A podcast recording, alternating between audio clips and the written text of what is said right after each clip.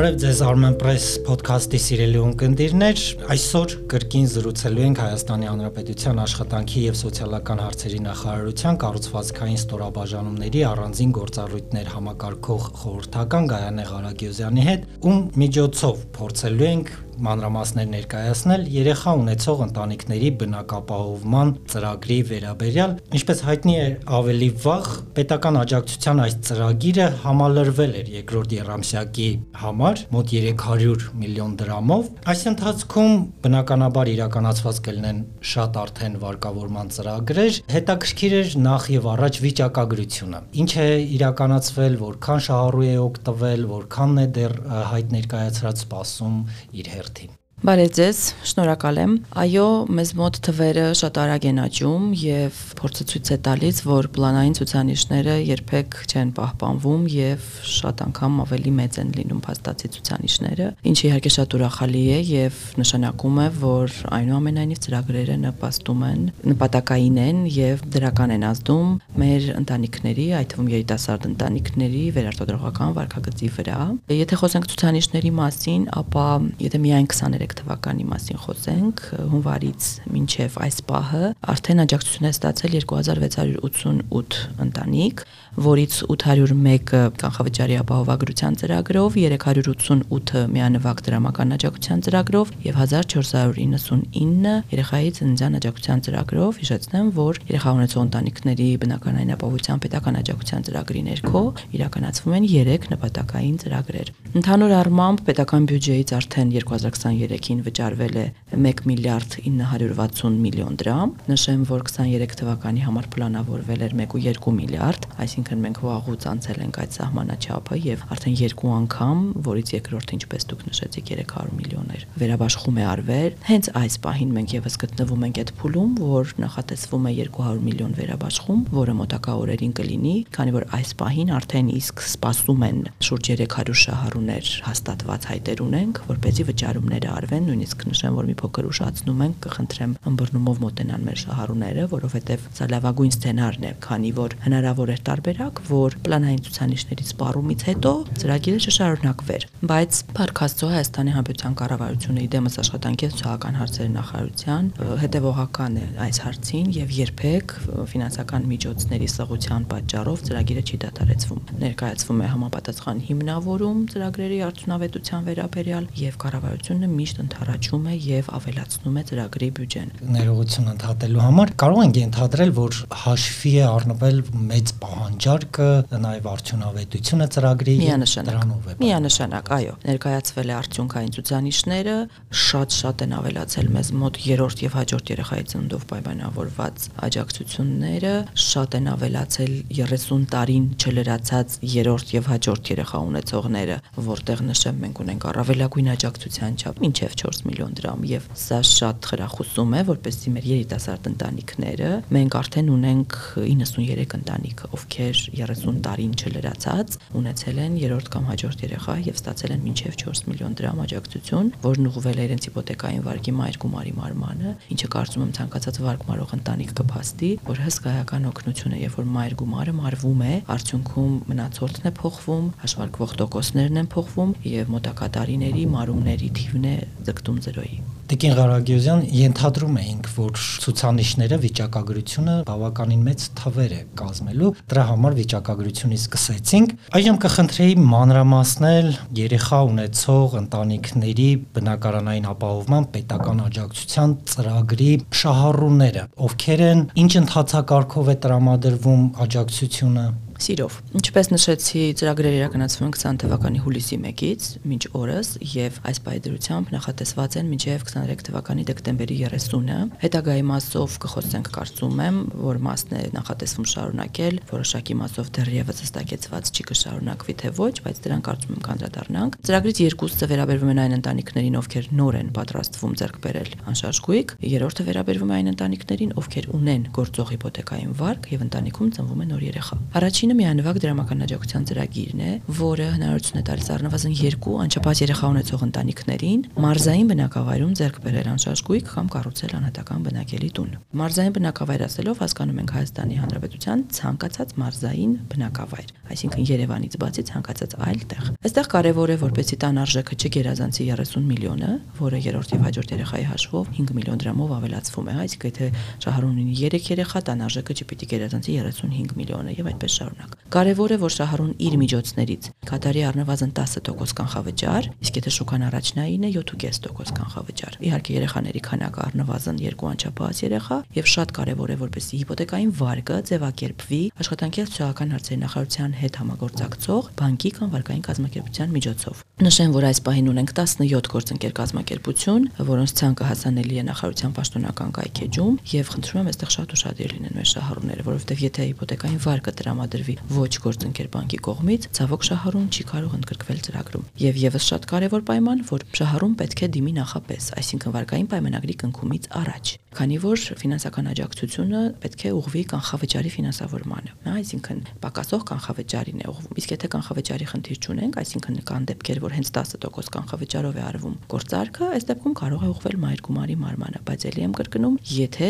ամբողջական տեղեկատվությունը նախարարությունը ստացել է նախքան վարկային պայմանագրի կնքումը։ Ընթացակարգը շատ པարզ է, շահառուն ով ցանկանում է ձեռք բերել հիպոթեկով անշարժ գույք մարզային բնակավայրում, նախ դիմում է գործընկեր բանկ, նախարարության գործընկեր բանկ։ Բանկը նախնական գնահատում է վերջինիս վարկունակությունը։ Նշեմ, որ նախարարությունը, այսինքն պետությունը որպես այդպեսին չի միջնորդում այդ գործընթացին, այսինքն մենք չենք երաշխավորում, որ բանկը վերջինիս տրամադրի վարկ։ Բանկը պիտի կատարի վարկունակության գնահատում, վարկային պատմության ստուգում, եթե նախնական առերևույթ այդ ամենը բավարարում է պահանջներին եւ բանկը ըստ երևույթին հաստատում է վերջինիս վարկ տրամադրելու process-ը, նախքան վարկային պայմանագրի կնքումը, այդ տեղեկատվությունը տրամադրում է նաեւ համապատասխան ծրագրային ապահովման միջոցով նախարարությանը, այսինքն շահառուն նախարարություն գալու կարիք չունի։ Տեղեկատվությունը բանկն է փոխանցում նախարարությունը։ Նախարարությունը սահմանված ժամկետում տվյալներն ուսումնասիրում է, եթե ամբողջական բավարարում են ծրագրով սահմանված նշածս պայմաններին, հայտը հաստատվում է, այնուհետ վարկային պայմանագրի կնքումից հետո համապատասխան ֆինանսական միջոցները փոխանցվում են բանկի հաշվին, որտեղից էլ բանկը նպատակային օգտագործում է, այսինքն, եթե դա պետք է որպես կանխավճար օգտագործվի, փոխանցում է վաճառողին, եթե պետք է մայր գումարից մայրվի, մայր գումարից մարում է անում։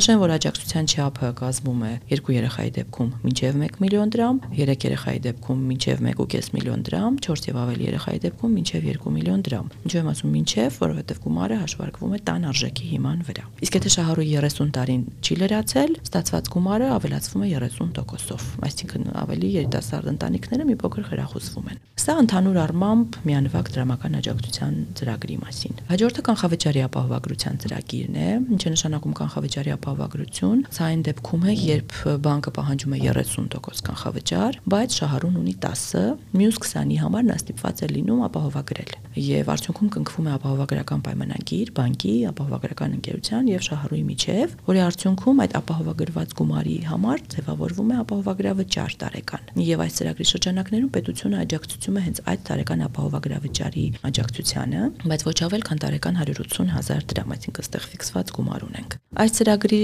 պայմաններն ու ընթացակարգը գրեթե նույնն են, ինչ որ միանվագ դրամական աջակցության ծրագրի դեպքում, բացառությամբ, որ այստեղ պարտադիր երեխաների քանակը մեկն է, այսինքն առնվազն մեկ անչափահաս երեխա ունեցող ընտանիքը կարող է օգտվել ծրագրից, եւ այստեղ շունենք տեղանքային սահմանափակում, այսինքն գույքը կարող է լինել նաեւ Երևանում։ Մնացածը ընթացակարգը եւ պայմանները նույնն են միանվագ դրամական աջակցության ծրագրի նման։ Այսինքն կարևոր է որ լինի գործընկեր բանկ, կարևոր է դիմել նախապես եւ տանարժեքի եւ կատարվող կանխավճարի համապատասխան սահմանաչափերը։ Շատ են գործընկեր բանկերը։ 17 գործընկեր կազմակերպություն կա, ցանկը հասանելի է մեր պաշտոնական կայքեջում։ Եվ խոսենք մեր ամենաակտիվ ծրագրի մասին, որը հենց ամենաշատ ժողովրդագրական կոմպոնենտների մեջ պարունակում երեխայի ծննդով պայմանավորված երեխայի ծննդյան աջակցության ծրագիրը։ Սա վերաբերվում է այն ընտանիքներին, ովքեր ունեն գործող հիպոթեկային վարկ, առնվազն 1 տարի գործող հիպոթեկային վարկ եւ ընտանիքում ծնվում է երեխա։ Այստեղ երեխայի կարգաթիվը կապ չունի, այսինքն աջակցություն տրվում է հենց առաջին երեխայից ծնված, պարզապես երեխայի կարգաթվից կախված աջակցության չափն է փոխվում։ Նշեմ պայմանները, որոնց պետք է բավարարի շահառու ընտանիքը, կրկին տան արժեքի սահմանաչափն է, որը չպետք է գերազանցի 30 միլիոն դրամը, եւ երրորդ եւ հաջորդ երեխայի դեպքում 5 միլիոնով ավելացվում է դիմելու պահին պետք է ունենա առնվազն 12 ամիս մարումներ եւ վերջին 12 ամիսների ուշացումները չպետք է գերազանցեն 30 օրոցային օրը։ Շահառուն պետք է դիմի մինչեւ երեխայի 1 տարին լրանալը, այս պայմաններին բավարարելու դեպքում այստեղ մինչեւ 1 տարին լրանալը եւ դիմելու պահին 12 ամիս մարումներ ունենալը հենց այն ինտերվալն է, որը հավաստում է, որ շահառուն վարկը ձևակերպել է երեխայի ծնունդից առաջ։ Այսինքն խոսում ենք վարկ մարող ընտանիքում երեխա ծնվելու համասին, քանի որ ունենում ենք դեպքեր, որ երեխան ծնվում է հետո են ընտանիքները վարկ վերցնում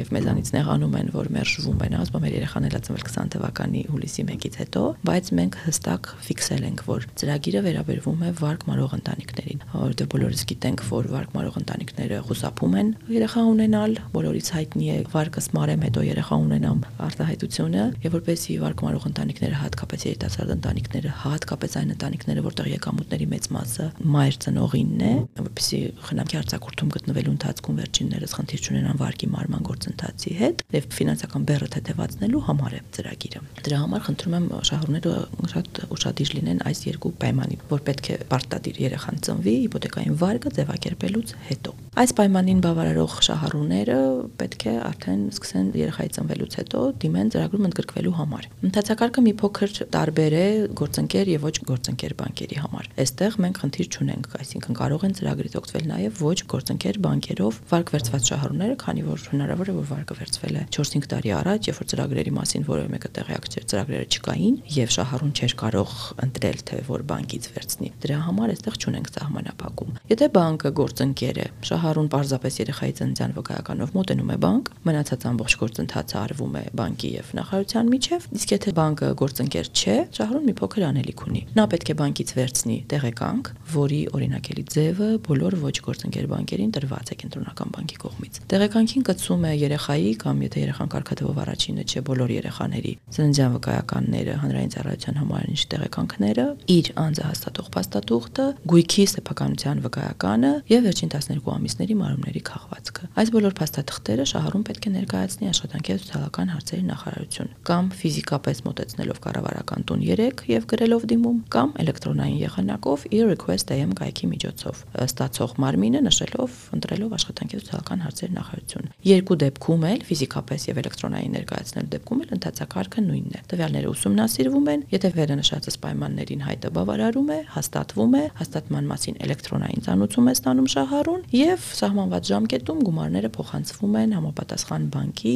տարանցիկ հաշվին։ Նշեմ, որ շահառուի հաշվին մենք գումար չենք փոխանցում, քանի որ այստեղ ունենք ռիսկ, որ գումարները կկանխիկացվեն։ Գումարը փոխանցվում է բանկի տարանցիկ հաշվին, որտեղից էլ բանկը մայր գումարից մարում է անում կարող ենք համեմատել ընդհանուր 2022-2023 թվականների ընթացքում ցուցանիշները ինչպիսին են։ Ասեմ ավելին կարող ենք 20 թվից սկսած համեմատել։ Մենք շատ հետաքրքիր մի բան էինք արձանագրել 2022-ի ավարտին, որ 22-ի մեր գումարային ցուցանիշը փաստացի գերազանցում էր 2021-ի գումարային ցուցանիշը, այսինքն եթե մենք 20-ին ունեցել ենք 415 շահառու, հաշվի առնելով որ ծրագրերը երկրորդ կիսամյակից են կորցարկվել եւ դեռ նոր էին, 21-ին ունեցել ենք 1900 49 շահառու, իսկ 22-ին ունեցել ենք 3088 շահառու։ Այսինքն տարբերությունը կարծում եմ ակնհայտ է։ Իսկ 23-ին մենք հոկտեմբերի դրությամբ արդեն իսկ ունենք 2688 շահառու, այսինքն ակնհայտ է որ 23-ին թիվը կգերազանցի նույնիսկ 22-ի ցուցանիշը, եւ մենք այս պահին 1.9 միլիարդ արդեն վճարել ենք, այն դեպքում երբ պլանը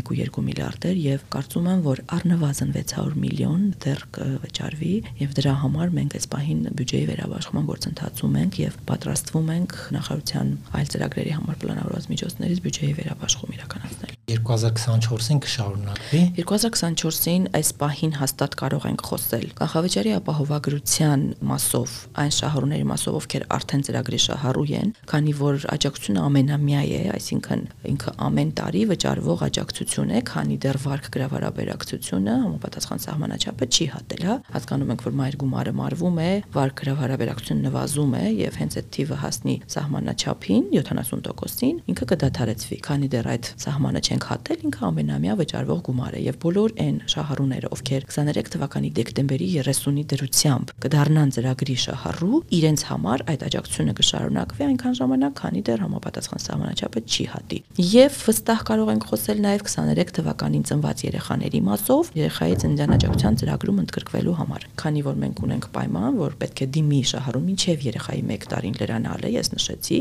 եւ ստացվում է, որ 23 թվականին ցանկացած օր ծնված երեխա մինչև 1 տարին լրանալը ծրողը կարող է դիմել, ինչը նշանակում է, որ դա կարող է լինել նաև 24 թվականին։ Այս մասով միայն վստահ կարող ենք խոսել 24-ին, իսկ մնացած բաղադրիչների մասով մենք քննարկումների փուլում ենք այս պայքարարության հետ եւ հենց նորություններ լինի, կարծում եմ մեր շահառուները մամուլից կտեղեկանան։ Ամենաշատը գյուղական թե քաղաքային բնակավայրերից են դիմում։ Ցավոք ամենաշատը ոչ միայն քաղաքային, այն հենց մայրաքաղաքային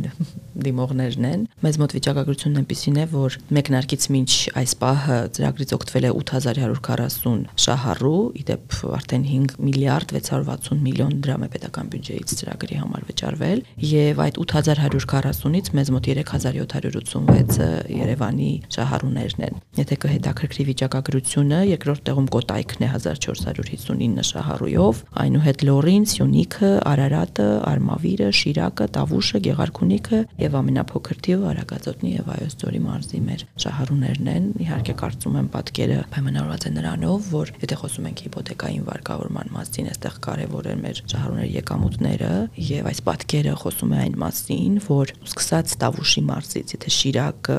Արմավիրը, Արարատը 400 քանի շահառու է, Տավուշից սկսած արդեն 100-ով են սկսում շահառուների թվերը, ինչը նշանակում է, որ Տավուշի, Գեղարքունիքի, Արագածոտնի եւ Վայոց ձորի մարզերում մենք ամենաշատը խնդիր ունենք նախ գույք ձեռք բերելու ցանկության հետ, երկրորդ ընտանիքների եկամուտների հետ, այսինքն հստակ է, որ այս երկու մասով նշածս մարզերում մենք խնդիր ունենք։ Ենթադրում եմ, որ նպատակը ոչ թե ենթադրում եմ, այլ տրամաբանական է, որ նպատակը ժողովրդագրության բարելավումն է, ծնելիության խթանումը։ Իհարկե, նպատակը ժողովրդագրական իրավիճակի բարելավումն է եւ ծնելիության խթանումը, հատկապես վարկմարող ընտանիքներում եւ եւս մեկ անգամ նշեմ, որ շատ ուրախալի է, որ մենք ունենք ընտանիքներ, ովքեր երկրորդ անգամ են օգտվում ծրագրից, 417 այդպիսի շահառու ունենք, այսինքն մի երեխայի ծննդով պայմանավորված օգտվել են 1 տարի, 2 տարի անց, քանի որ 20 թվականից ծրագրերը կան, օգտվել են նաև մյուս երեխայի, այսինքն երկրորդ կամ երրորդ երեխայի։ Ունենք ընտանիք, որ 3 երեխաների ծննդով պայմանավորված է օգտվել, այսինքն առաջին երեխայի ծննդով պայմանավորված 20 թվականին ծնվել առաջին երեխան, օգտվել է,